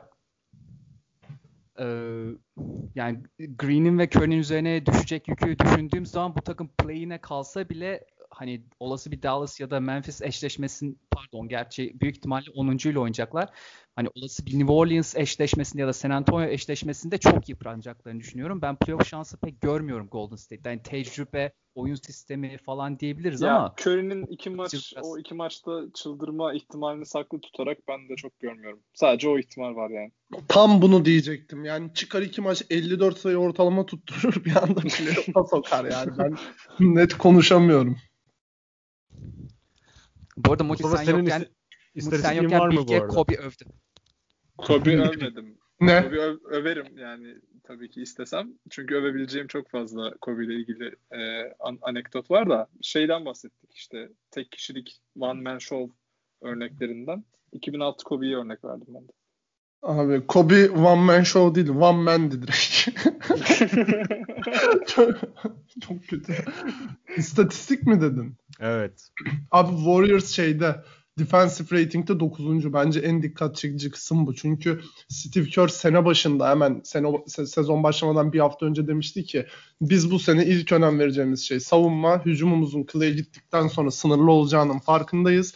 Savunmada top 5 ya da top 10'a sokarsak bir şeyler gelebilir demişti. Sene Hücum başında maç savunma şampiyonluk kazandırır. aynen Evet. çok uz çok Aynen uzun diyorum. S- şeyin çok e, sezonun çok başında 25'in altındalardı hep.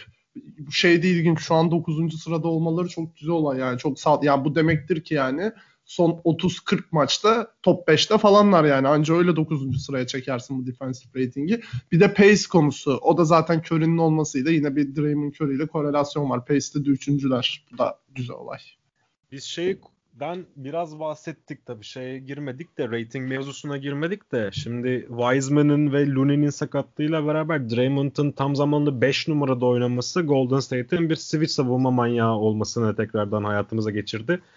Ee, Juan Toscano Anderson'lı Draymond'un 5 numara olduğu bir e, dead lineup e, sahipler. E, ben bundan da biraz e, yararlandıklarını düşünüyorum. Çünkü Golden State'in alışkanlıkları öyle oturmuş ki. Yani Golden State dediğimiz şu anda da sahada iki tane oyuncu var bu arada ve o ikilisinin arasında öyle bir uyum var ki o uyum sayesinde aslında bu e, sezon başındaki kötü savunma merasimini şu an düzelttiklerini düşünüyorum. Açıkçası ne dersiniz bilmiyorum. Aynen. Ama tabii Bilge'nin dedi sen yokken Bilge'nin dediği de şöyle bir şey vardı. Bu play-in yarışında ne kadar sürdürülebilir olacak? Yani götünden soluyan bir Draymond görür müyüz, görmez miyiz? Orası da biraz muamma. Çünkü savunmada açıkçası yoruluyorlar biraz. Yani bu çok sürdürülebilir gibi gelmiyor bana. Yani şöyle bir şey diyeceğim ben.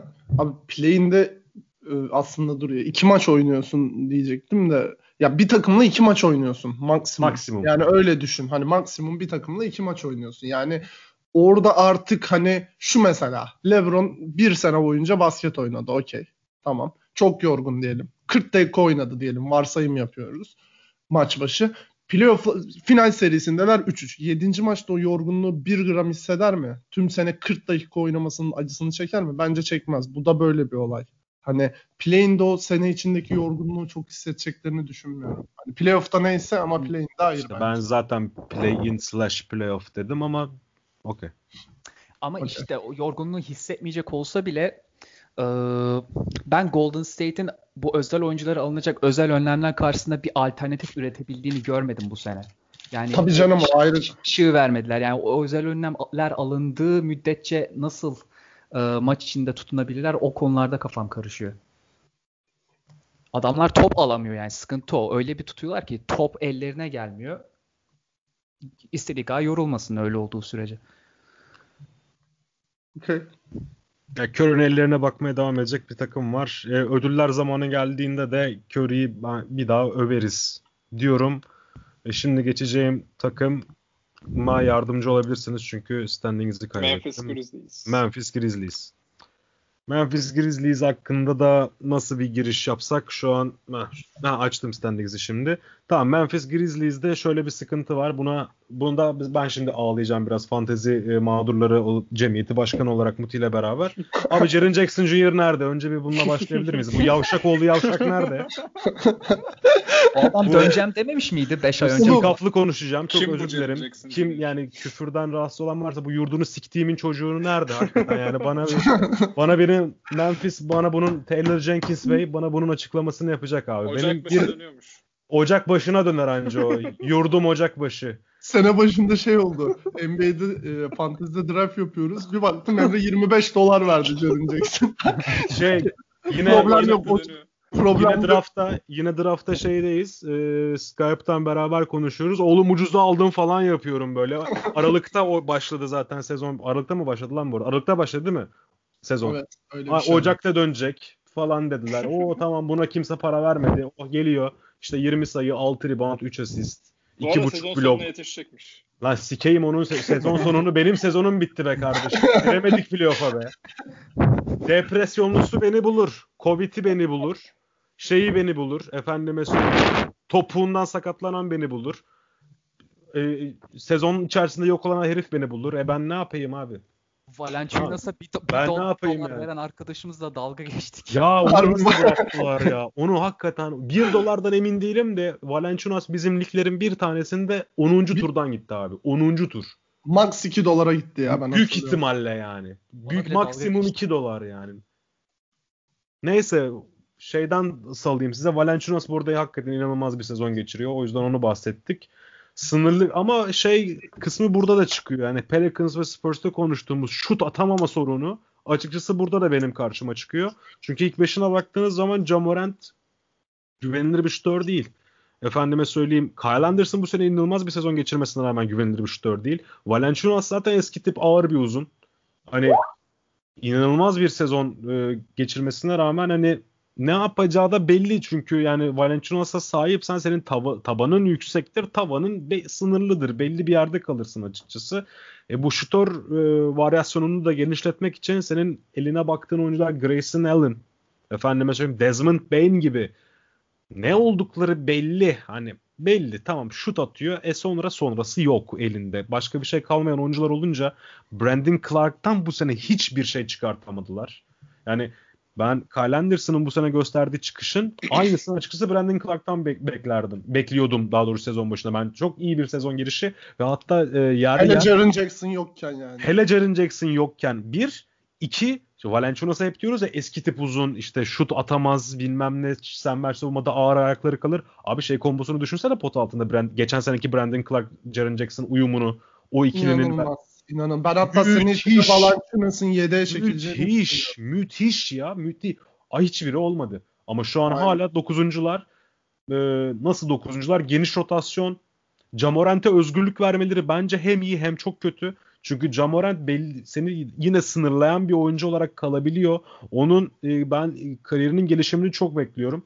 E, merakla bekliyorum. Çünkü ya şöyle söyleyeyim. Mustafa sen bana kızacaksın şimdi ne falan diyeceksin de ben de sevmiyordum Prime Derrick Rose'u ama Prime Derrick Rose'un oyuna etkisi dönemine göre çok fazlaydı. Ben şu an Jamorant'ten evet. Prime ta okey tamam bir dur bitireyim. Ben şu an Jamorant'ten bir Prime Derrick Rose etkisi görebiliyorum. O kasa bir oyuncu tipi görüyorum ve bunun sahada yaklaşımını savunma yapabileni. Bir tık daha savunma yapabileni. Eyvallah. Ee, ve bu sayede e, merakla beklediğim bir Memphis Grizzlies geleceği var ve bir kez daha Tyler Jenkins'in çok iyi bir koç olduğunu altını çizeyim. Sözü de Mert'e mi bırakayım, Muti'ye mi bırakayım? Kim Seç. Hello Mert. Aslında e, yani Memphis benim sene başında beklediğim noktanın yani bir pozisyon üstünde. Ben 10. olmalarını bekliyordum. Ee, 8. Aslında... şu an iki pozisyon üstünde. Ha pardon özür dilerim. Teşekkürler Şükrü. bu takım aslında baktığın zaman hani çok bu sene oynamasını beklemediğin oyuncuları sistem içinde iyi yedirerek, sistemi iyi oturtarak gerçekten iyi bir pozisyon elde ettiler kendilerine. Grayson Allen'dan bir e, ufak boylu 3D yaratmaları, işte Valanciunas'tan pot altında bir e, ayı yaratmaları hayır, inanılmaz bir tehdit gerçekten pot altında. E, ve takım oyununu aslında bana sorarsanız iyi oynuyorlar. Mesela senin Derrick Rose e, benzetmenden ziyade ben birazcık Washington'ın e, bu playofflarda yarı finallere kaldığı dönemdeki John Wall e, esintisini alıyorum Ja Morant'ın şu anki oyun tarzından. Yani çok fazla gereksiz zorlamalarını son zamanlarda bıraktı. Hani daha çok takımı işin içine e, sokuyor. Hatta biraz da böyle Kyle Anderson'la yan yana e, yönlendiriyor oyunu e, yönetme, kurma işini. Ve takımda herkesin eline top değiyor. E, Sen Camorant'tan öyle bir şey ister misin ama? Ben istemem açıkçası. Benim benim elimde Camorant olsa ben ondan oyun yönlendirmesini istemem. Bam güm dalmasını isterim açıkçası.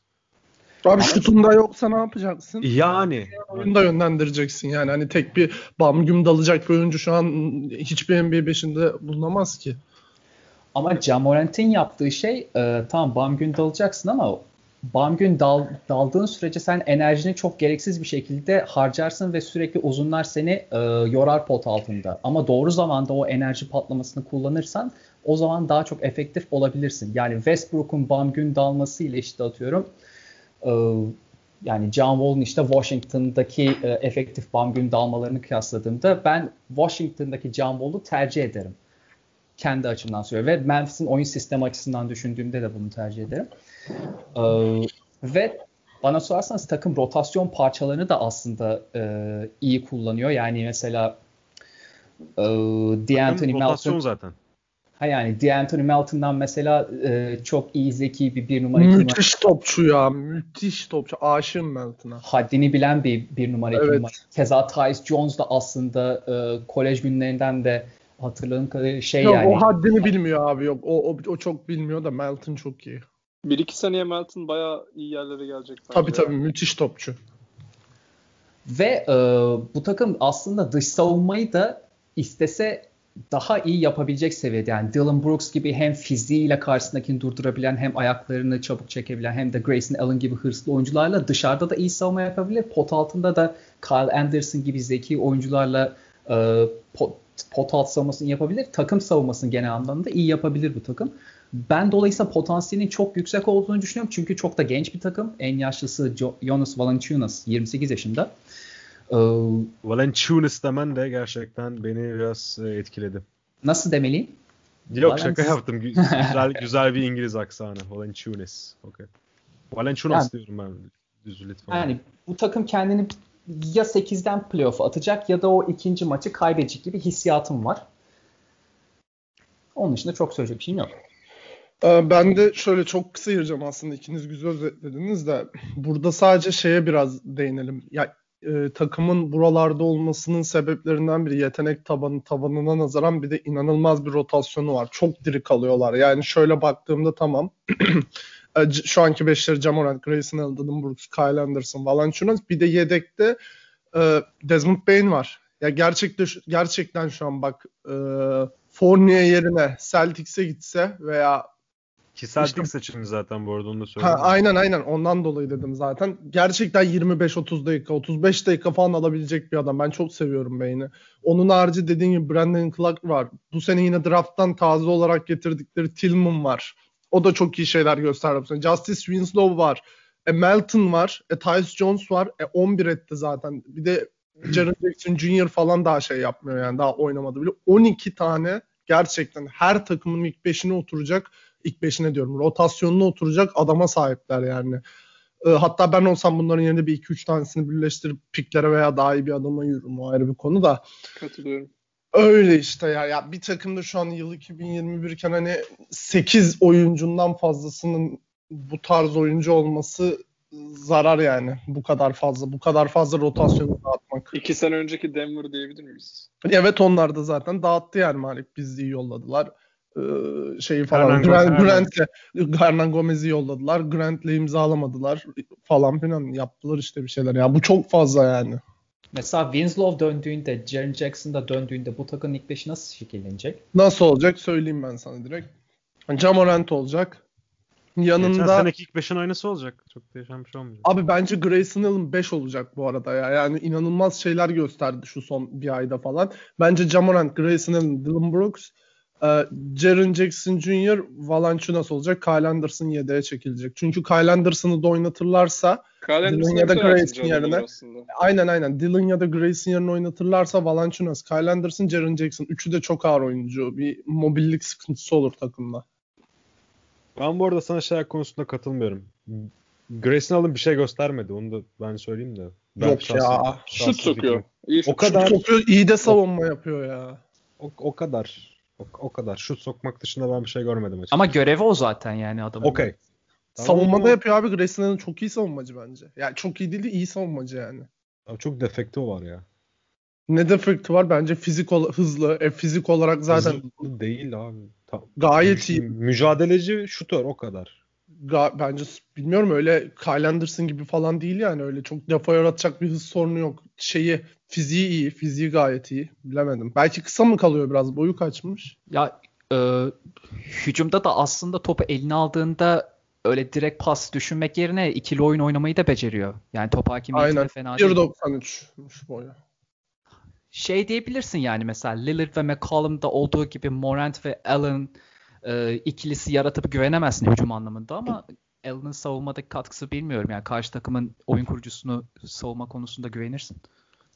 Bu arada Melton'u daha çok beğeniyorum da ben Grace'ı. Ben de. Ama... Ben o yüzden söyledim zaten. Ben bilmiyorum belki ben görmemişimdir tabii olabilir ama ya öyle almışım bir şey görmedim ben Grayson Allen'dan. Tamam bir rotasyon parçası o kadar. Şutunu atar işine bakar. Yani üstünü beklemiyorum ben. Hani düzgün toparlayayım en azından. iyi ifade edeyim. Okey. Neyse. Ee, sıradaki takım Dallas Mavericks. Artık son iki takıma e, geçiyoruz galiba. Çok da vakit yemeyelim. Ama bu takımları da konuşmamız lazım. Ee, şey Portland'ı konuşacak mıyız burada? Önce onu sorayım. Abi ne bence Mavs 6. bitireceği için hani bence Portland play'inde olacak benim fikrim. Yani konuşmamız gerekir bence. %100 bence zaman, orada üstüne geçecek. Ya şu an bizim yaptığımız şey dinleyicilerin de bilgisi olsun diye ekleyeyim bunu. Şu an mesela bu programı 17 Nisan itibariyle çekiyoruz. O günkü sıralamaya yönelik bir e, e, dizayn belirliyoruz kendi aramızda. Siz de ne dersiniz? İstiyorsanız ikisini de beraber süre yettiğince ayarlamaya bence çalışalım. De. Bence de. Tamam Dallas'tan başlayalım o zaman. Ee, Dallas'tan girdiğimiz zaman Luka Doncic'ten başka bir şey tabii öncelikle bundan bahsetmemiz gerekir. Açıkçası Luka Doncic inanılmaz bir sezon geçiriyor. Ne, nasıl gördünüz Luka'nın bu sezonki performansını? Ben bence de müthiş oynuyor ama zaten bu takımda hani Doncic bildiğimiz gibi yani hani e, zaten her şu an işte Doncic lafını Doncic Dallas lafını geçirdiğimizde insanların kafasında beliren ne varsa o zaten hani artı bir şey yok. Bence Doncic'e nazaran diğer detaylardan bir tık bahsetmemiz lazım. Şöyle evet, bence de. şuradan gireceğim o da. Bence Dallas'ın sezonunu değiştiren oyuncu Brunson. Şimdi Brunson'ın katkısına Brunson sezonun ilk 25-30 maçını hiçbir şey 20 25 maçında hiçbir şey oynamıyorken Doncic çok yalnız kalıyordu. Brunson da yedek 5'in lideri ve de Doncic'le de biraz beraber oynuyor. Ee, devreye girince takım çok rahatladı. Doncic'in yanına bir yardımcı lazımdı burada. Zaten Dallas çok kötü başlamıştı sezona. Aslında şöyle ligin ilk 10-12 maçını çıkarınca Dallas bir tık daha yukarılardadır diye tahmin ediyorum şeyde sıralamada. Bu da Brunson etkisiyle bence şey yapıyor. Bir de burada bir tane defektlerinden bahsedeceğim. Ee, bu adamlar şeyde defensive rating'de 18. Pace'de 25. Hadi Pace'de 25. olmasının sebebi Doncic okey oyunu yavaş oynamayı seviyor da defensive rating'de 18. olması da bence direkt Porzingis Porzingis'le ilgili. Porzingis savunmada hiçbir şey yapmıyor ya. Ya gerçekten hiçbir şey yapmıyor. Yani yanından yürüyen geçiyor, yürüyen geçiyor. Eziyet ediyorlar maç içinde adama resmen. Ne oldu bu adama ben çözemedim. Bir de çok kısa şuna değinip sözü bırakacağım. Ee, şeyde offensive rating'de geçen sene bu takım liderken ve NBA rekoru kırmışken 10'unculuğa düştüler. Hani bir de bunun bence bir tık sorgulanması gerekiyor. Yani Seth Curry değişti geçen seneden. Hani sadece Abi, Seth Curry mi? Geçen yalnız biraz anormal bir durumdu ya. Hani o ya, çok bence, da böyle mantıklı bir şekilde açıklanabilecek bir şey değildi yani o. Ya Sadece bilmiyorum tüm sezona yaydılar ama yani. Hani böyle son 10-20 maça da yayılmış bir şey değil yani. 80 maça ya da şeyler oynanmadı. 70 maça yayılan bir şey bu yani. Öyle 70 maça yayılan bir durumu da öyle tesadüfi sürpriz bir şey olarak değerlendiremem herhalde. Tamamen ben. tesadüf demem ama yani sadece Seth Curry ve Josh de hani bir durum değil bence. Yani o sezon gerçekten çok formdalardı. E, şutların çoğu giriyordu. Şutörlerin attığı şutların çoğu giriyordu. E, baktığında mesela Porzingis geçtiğimiz sezona göre çok daha iyi durumda bence hücum anlamında. Savunmada zaten Porzingis'in e, hani sakatlıktan sonra çok böyle bir faktör olamayacağı hatta eksi yazacağı biraz kesinleşti gibi. Hani bundan sonra kimse Porzingis'ten Abi öyle de çok kötü ya. Ya gerçekten iyi bir savunmacı olmasını geçiyor. beklemiyordur herhalde. İnanılmaz kötü. Ya iyi bir yani savunmacı da değil, iyi bir reboundçı da değil. Hani e ne yapacak bu adam? Hiçbir şey yapmıyor. dönmesin beyler tane tane. Tane tane. Özür dilerim. Aynı şeyi söylüyoruz zaten aslında hepimiz. Ama hücumda geçtiğimiz sezona göre çok daha formda olduğunu söyleyebiliriz herhalde. Ya ben Mustafa çok güzel başladı aslında. Doncic'ten ziyade yan parçalardan bahsetmek lazım dedi. Ben dedim ha güzel yerden giriyoruz. Porzingis dedi sonra niye hücumdan hücumla bitirdin? Bak onu anlamadım. Çünkü birden onu düşmesinin bence herhangi bir sıkıntısı yok. Bu takım savunma reytinginde kaçıncı dedin? 23. mü? Bence başarı 18. 23. 18. 18. Bence de benim başarı. Be, benim beklediğimden aşırı iyiler. Aşırı iyiler. Abi Doncic savunma yapmıyor. Brunson savunma yok, yapmıyor. Yok, yapıyor ya. Doncic gerçekten bu sene çok çabalıyor. Çabalıyor Bakma. ama yani çabal... Brunson hiçbir şey Ya yapmıyor. şöyle söyleyeyim ben sana. Yani sen Doncic'in... belli en azından Doncic'in savunma. Hayır Doncic'in sen hücumda liderlik etmesini beklersin ve Doncic'in ölüsü çıksa zaten sen ilk ona giriyorsun. Yani ölüsüyle bile ilk ona girersin sen Doncic'in hücum verimliliğinde. O çok bir sorun değil bence. Esas ama bölüyorum dilerim. Finney Smith'le Kleber var ilk beşe. İkisi de 5 pozisyonu savunabilen adamlar yani. Kleber, Kleber'den bir... bu sene bir şey çıkmadı. Kleber çok formsuz bu sezon. Aynen. Aynen. Aşırı formsuz bu sezon. Abi Josh Richardson güzel hamle dedik. Josh Richardson sen biz takas programında konuşmuştuk seninle. Ben son işte Dallas maçlarını izlediğim tarafta yani şut sokamıyor, savunma yapamıyor. Seth Curry açıkçası daha iyiydi o zaman. Yani Seth Curry biz yara yaratıyordu onlarda.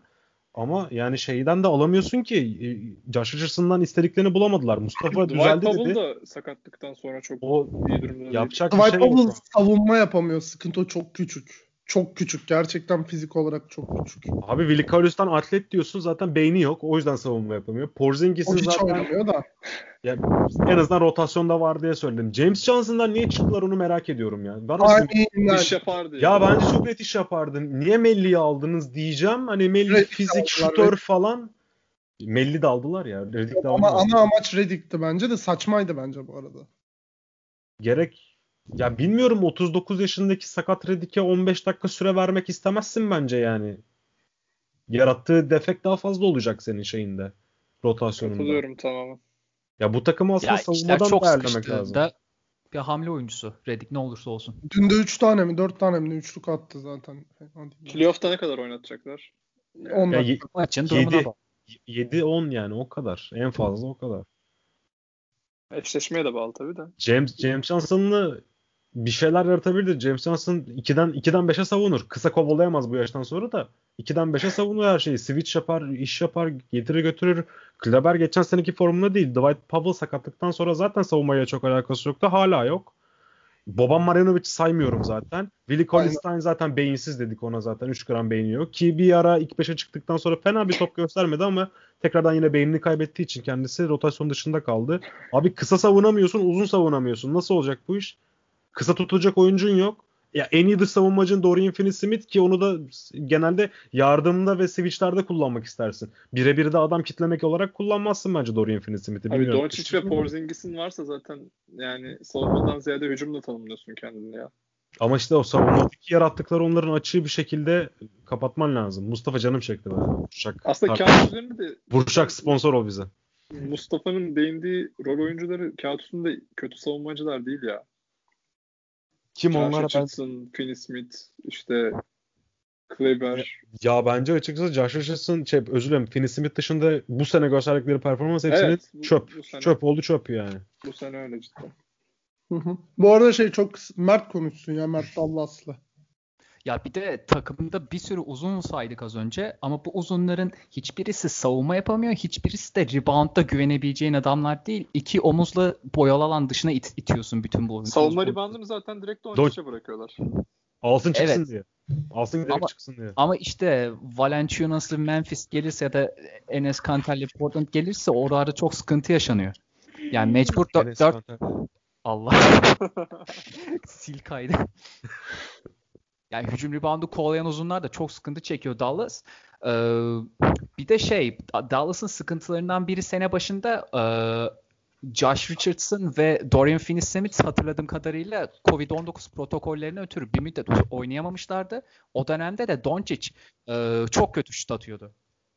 Yani sene başında bayağı kötü şut atıyordu. Şu anda onu düzeltti. Onun bir e, etkisi oldu bu, bu kariyer oynamalarında. Yani e, tam rotasyonla oynamaya başladık, başladıktan sonra Dallas'ın böyle 27 maçta 23 galibiyetlik falan bir serisi vardı diye hatırlıyorum. Tam kadroyken bu takım aslında iş yapıyor. Tam öyle değildi de yakındı. Tam 27-23 ne oğlum öyle bir şey yok. yok. Tabii 22 galibiyet 5 mağlubiyet mi ne sanki vardı diye hatırlıyorum. Bakacağım. Siz konuşun bakacağım. Açıkçası çok emin olmadım da. Ee, ve e, Jalen Brunson'dan bir baraya yaratmaları onlar için çok iyi oldu. Doncic'in üzerinden yükü alması açısından. Ee, tabii e, NBA'de birçok takım aslında bunu yapıyor ama Dallas mesela maç başlarında böyle set oyunları deniyor. Herkes de topu buluşturmaya çalışıyor falan. Sonra maç içinde onu tamamen bırakıyorlar. E, bunu yaptıkları zaman zaten Doncic'e inanılmaz yük biniyor. Hani Doncic de çok duygusal bir oyuncu olduğu için hata yaptıkça aslında onun etkisinde kalıyor. Öyle bir sıkıntısı olabiliyor bazı maçlarda. Bir de e, geçen seneye nazaran hücum verimsizliklerinin artma sebebi Hardaway'in de skor katkısı konusunda istikrarsızlaşması bu sene. Onu da hesaba Doğru. katmak gerekiyor. Hardaway'i ee, unuttum ben adını zikretmeyi evet. Doğru söylüyorsun. Ya aslında bu takım potansiyel olarak çok yüksek hani gerçekten ama aynı zamanda savunma konusunda da NBA'in en kötüsü olabilecek seviyede bir takım olduğu için e, yani tahmin yapmak gerçekten çok zor. Ve playoff'ta böyle sert takımlara karşı hiç güven vermiyorlar fizikli takımlara karşı.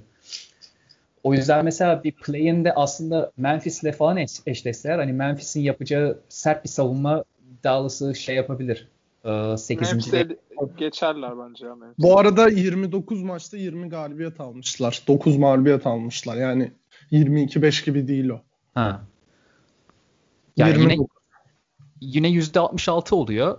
Yani 20'ye 9 seni Batı'da dördüncü yapar mı?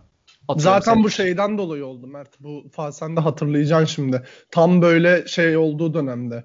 E, Brunson'ı ikinci oyuncu, ikinci hani Doncic'in üstündeki yükü alsın diye koydukları dönemde yaptılar bunu. Ora kurtardı bunları. Hmm. Ya şu an 6. adam olarak kullanılır zaten Jalen Brunson ve gerçekten de iyi bir çıkış sayesinde. Ama ben Dallas'ın yolunu biraz taşlı görüyorum beyler ya. Ya geçen seneki e, yarattıkları peri masalı etkisini bu sene biraz uzak kalacaklardı. Çünkü sezon başında da hepimiz konuşuyorduk. Ya işte ilk üçe kapağı atar mı? Clippers'ı bu kadar zorladılar. İşte Doncic fade ve kavayı yedimedi falan dedik ama ya bu sene benim gördüğüm Dallas bana çok ümit vermedi açıkçası. Evet. Soru soru soru. Şimdi 6. olurlarsa Blazers'ı geçersin. Nuggets'la eşleşme ihtimalleri var. Eleyebilirler mi? Bence Ölerler, sıfır rahat. değil. Sıfır değil. değil. Yani rahat diyemem ama bence %40 koyarım ben. Dallas ben 51'e 49 diyorum ya. Dallas eder bence. Bu bu halde Nuggets eder bence. Çünkü şimdi şöyle söyleyeyim. Ee, Jokic aslında tam Dallas'ın isteyebileceği bir tarz uzun. Rakip olarak. Yani Biraz... Embiid'den Membiid'den o tarz bir şeylerdense yani. Yani Nuggets'ın evet. şu an dördüncülüğü üçüncülüğe çıkması biraz zor gözüküyor bu arada. Yok aynı yani belki Üç, iki buçuk galibiyet fark var Clippers'la arasında. Şu saatten sonra Murray'siz üçüncülüğe çıkmaları biraz zor. İnmez, yeni... inmez yani aşağı. O zaman çok özür dilerim. Soru Clippers'la değil de Suns'la eşleşme ihtimali. Suns'ı elerler mi? Bence onu da eleyebilirler. Hatta Suns'ı eleme ihtimali daha yüksek. Yok ya ben gö- görmüyorum. Ama bir Clippers Dallas görmek isteriz bence izleyiciler ben, olarak. Ben Suns'ı da eleyecek. Dallas istemem. Ben Suns Dallas isterim açık söyleyeyim. Ben Suns'ı eleyebileceklerini zannetmiyorum bu arada. Yani Suns biraz ters kalıyor sanki. Fizikli bir pota altı, rebound kovalayan Aiton. Dallas'ın en evet. istemeyeceği şeylerden biri. Ee, evet, kanatlar da rebound kovalıyor, Garden da rebound kovalıyor yani. Herkes rebound oluyor Phoenix'te. Contender evet. zamanı geldiğinde konuşuruz da Phoenix efsane bir sezon geçiriyor ve çok iyi bir uyumlar. Bench'te de çok sıkıntılı bu arada. Oradan, orada, oradan, oradan sıkıntı olacak. Muhtemelen Doncic'i Bridges savunacak zaten. Kitler abi. Ya kitleyemez gerçi de. Ya nereye kitliyor oğlum? kavay, kavay kitleyemedi oğlum adamı. Ne şeyi? Ne Bridges. Neyse. Evet. Yıpratır. Ya tabii canım yıpratır o apayrı da playoff'a geldin mi zaten yıpratacak oyuncu illa ki bulursun karşı takımda. Evet. Ya tamam. bir de şunu söylemek istiyorum. Çok kişisel bir yorum. Porzingis'ten ricamız hani duyuyorsa Mark Cuban da iletsin. Abi şu üçlükte topu aldığın zaman sola sektirip de böyle tek ayağının üzerinde sağ tonike atma rica ediyorum. Ben Çok... de hazır rica kısmı gelmişken yok, ben de bir ricada bulunacağım. Mert anlayacak bunu. Tam böyle midde topu sırtı dönük aldığında önünü dönüyor. Dirseklerini sağa sola doğru oynatmaya başlıyor. Anladın? Yapma onu. Bak yemin ederim size geçen Mert'le maç izliyoruz. 5 dakikada 2 tane hücum faul yaptı. Aynısından bak. Kafayı yiyorum ya. Ya cidden ben de bu konuda bir ricada bulunacağım yani. Çok salak çok. Bu sene iyi sezon geçiriyor ama. Ha, savunmada hiç hayır oğlum. Savunmada, hiç iyi sezon geçirmiyor bence. Kariyerinin en kötü sezonunu geçiriyor bence. Abi şöyle söyleyeyim Stats'e hiç bakma ya. Çok kötü bir sezon geçiriyor. Kariyerinin çok en kötü, kötü sezonunu geçiriyor bence. Geçen evet çok kötü. Daha kötü değil ya. Geçen hayır. Bence. Geçen sene iyiydi bence. Fena değildi. Bu sene çok kötü ya. Ya bak ben çıldırıyorum. Savunmada falan kafayı yiyorum ya. Vuran geçiyor. Cameron Payne'ler falan madara ediyor Porzingis'i. Hücumda da kötü bu arada. Çok göstermedik yani çok böyle yanıltıcı. Top eziyor top top. Doncic'in evet, kullanmasını çok... istediğin topları Porzingis'e kullanıyorsun. Dirsekler sağ sol hop sağ turnike kaçır ya da fade away orta mesafe. Rebound çok... almıyor. Rebound almıyor zaten. E savunmada da savunmada mesela abi herif 2.25 2.22 olduğu için blok tehdidiydi. Şimdi evet, 9 rebound da çok yanıltıcı abi, bu arada. ayağa gitmiyor. Ayağa a, oğlum 9 rebound az bu arada Porzingis fiziği. Hayır oğlum ama şöyle bir şey diyeceğim. Doncic'in 8 reboundıyla Porzingis'in 9 tabii, tabii. 9 rebound aynı aynı olay yani. Hani böyle emek böyle efor sarf edip aldığı bir rebound yok. Direkt bırakıyor. Aynen. Kesinlikle. Neyse. Geçtim Portland'a. Son takım. Son takım. Ah, yoruldum ya. Uzun bir yayın oldu bu arada. Evet. Ee, Portland'da e, öncelikle Norman Powell e, güzel bir hamle oldu aslında. Bizim beklediğimizden yine takas programında konuşmuştuk. Olur mu acaba Terry Stotts'a bir baş ağrısı yaratır mı diye birkaç soru işareti vardı kafamızda. Aslında bir baş ağrısı yaratmaktan ziyade Lillard sahada yokken ya da Lillard'la McCollum sahadayken ekstra bir tehdit olarak 3 numara forvet, kanat forveti pozisyonunda gerçekten çok iyi bir ekleme olduğunu ben söyleyebilirim. Normal. Ama ama bak ben ama. burada gireceğim. Normalde ilk girmeyecektim burada ama, ama ben burada hazır tam bunu demişken bu konu üzerinden konuşacaktım çünkü. Şimdi bence Portland'ın en büyük sıkıntısı burada. Abi senin aynen aynen yok şimdi gireceğim. Şimdi Enes oynadığı zaman Enes Porzingis'ten daha beter olan tek oyuncu falan olabilir bu arada o konuda. Çok kötü. Yani bugün izledim daha maçlarını. O da inanılmaz. Yani Porzingis için ne söylüyorsam onu da, onun için de söyleyeceğim. Nurkic Hiçbir ee, şey yapmıyor. Şu an hiçbir şey yapmıyor. Ha, şimdi de senin dediğin konuya gelelim. Şimdi senin beşinde aynı anda Lillard, McCollum, Powell var. Üçü de Lillard'la McCollum'un hiç alakası yok savunmayla zaten. Powell'ın da diğerlerinin 10 üzerinden birisi. Powell'ın da 10 üzerinden 3.5-4.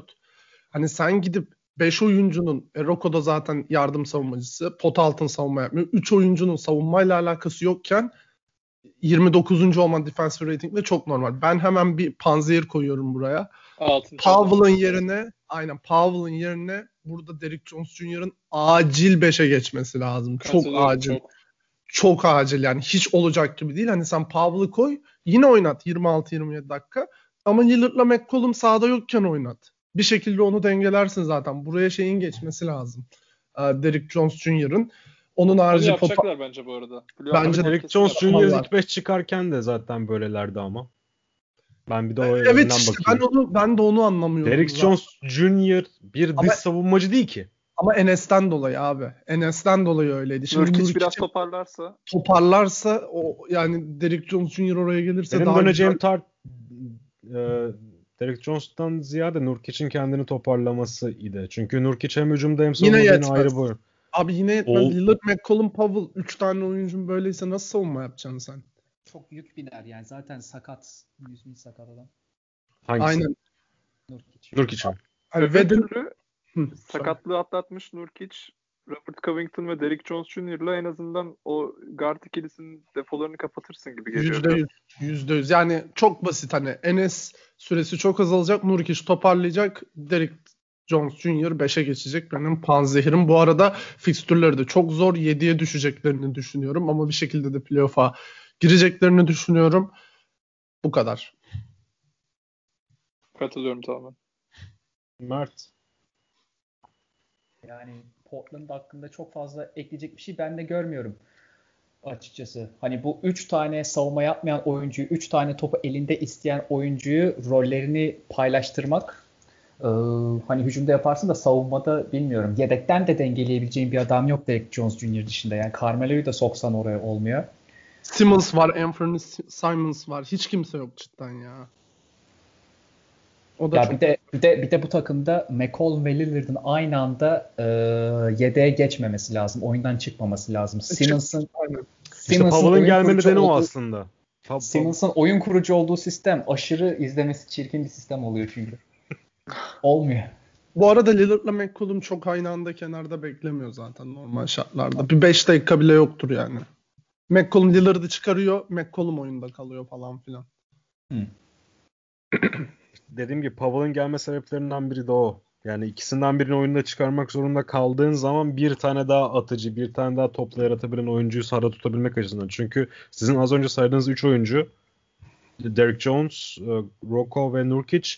Nurkic'i biraz ayıracağım. Nurkic çünkü bir e, pas istasyonu olabilecek, tepeden oyun kurabilecek bir oyuncu. Ama iki tane kanadın ya bunu aslında şeyde de yaşadı Portland. Alfaro Comino Mo arkasında evet. beraber oynarken de yaşadı. Oradan çıkıp zaten Rodney Hood'a falan gittiler. Çünkü o sistem işlemiyordu bir yerden sonra.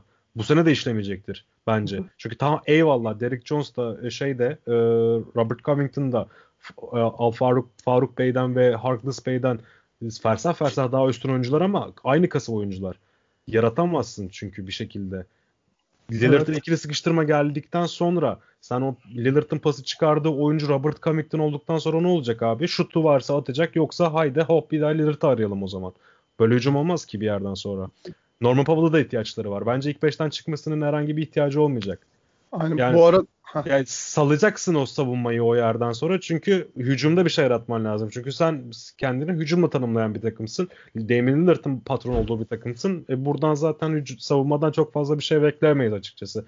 Ben Dallas'tan neden kızdım? Çünkü Dallas'ta o savunma malzemesini verebilecek 2-3 tane oyuncu var ama vermiyor pezemekler. Burada zaten öyle bir kasa yok. Ya iki tane yardım savunmacısı atlet oyuncu var. Robert Covington ve Mo, e, Mo Harkless'den çıktı şey.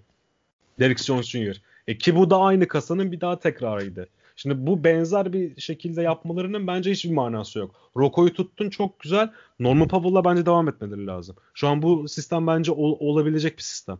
Bunu biraz daha cilalaması lazım Terry, Terry Stotts'ın. Biz olmaz diyorduk, olmayabilir diyorduk ama bence oluyor gayet. Çünkü Damian Lillard bütün ilgiyi kendi üzerine çektiği zaman adam adam yeni şey yarattı ya parmağıyla gösteriyor buradan atacağım diyor kafana sokuyor üçlüyü zaten. Bir tane perde almasına bakıyor. Bir tane topu yere vurmasına bakıyor üçlüyü çıkarıp atması. Orta sahadan herif sallıyor çıkarıyor. Lillard Range diye bir şey çıktı heriften yani. Şimdi sen bu adamları ikili sıkıştırmayla beraber savunduktan sonra arkada cidden o 4'e 3 oynayacak bir şey lazım. Topu yere vurabilecek, içeri drive edebilecek, e, mesela Roko şut atabiliyor mu? Atabiliyor köşe dışında boş kaldığı zaman. Ama ya dolu kalırsa geometride oraya dolu bir yer geldiği zaman drive edebilecek, topu yere vurabilecek bir oyuncu lazım. Onu da ikiye çıkarmak McCollum'la beraber Norman Powell eklemek bence daha iyi bir alternatif. Panzehir değil bence Derek Jones Jr. olması. Çünkü sezon başı Derek Jones Jr. vardı. Ee, yine 27.lerdi galiba yanlış hatırlamıyorum. Enes vardı abi çünkü Enes yani. Sebebi oydu ama. Okey. Enes var. Nurkic olsa yani en azından biraz toparlasa bence Nurkic dön öyle. ya bilmiyorum abi ya. Hücumda çok şey kaybediyorsun. Abi o 3 kişinin atıp. sahada olduğu bir 5'in playoff'ta savunmada yani Tabii canım %100. Darma duman olacağını düşünüyorum ben. Ben de. Yüzde yüz. Şey senaryosunu anlamadım Emre. Neden Lillard'ın ikili sıkıştırma yediği bir senaryo üzerinde açıklama yaptın? Yani Lillard'da böyle bir savunma mı yapılacak diyorsun? Öyle yapılıyor oğlum zaten. Yapmıyorlar mı zaten? Curry ile Lillard öyle savunmuyorlar mı? Bayağı savunuyorlar öyle bayağı bir kısımda evet. Yani kö köşe, köşe, köşe tüm maç oyuncu, değil tabii ki ama tüm maç köşe, değil ama sekans oluyor yani öyle Açıkçası sekanslar. son dakikaların hepsini öyle savunuyorlar ve Lillard hepsini paramparça ediyor zaten son dakikalarda. Son 10 dakikayı Lillard tek başına maç kazanıyor. Portland bu yüzden burada zaten. Portland yani Damian Lillard şöyle savunuyor abi. Merkez birinci tutucusu karşısındayken forvetteki diğer oyuncu hemen yardıma geliyor. Bir adım yanında. Tam double team double team değil. Hani bir buçuk team gibi düşünebilirsin. Evet. Süremizin sonuna mı geldik? Süremizin sonuna geldik. Ve daha çok özür dilerim. Top yönlendiricileri yok bence. Lillard'la McCollum ikisi de bitirici. Gerçekten 12 kişilik takıma bak bir tane top yönlendiricisi yok. Powell yerine oraya top yönlendirici bir Triandy tarzı bir şey daha tatlı gidebilirdi. Top yönlendirici Triandy. Öyle bir oyuncu evet. bulursan zaten. Abi bulayım. 5 saniyede bulayım sizin için. Hemen Ha Kyle Anderson mesela. Tree değil o da daha doğrusu pek. Tree vardı D yok onda da çok. Ingles abi Joe Ingles mesela. Ha, evet.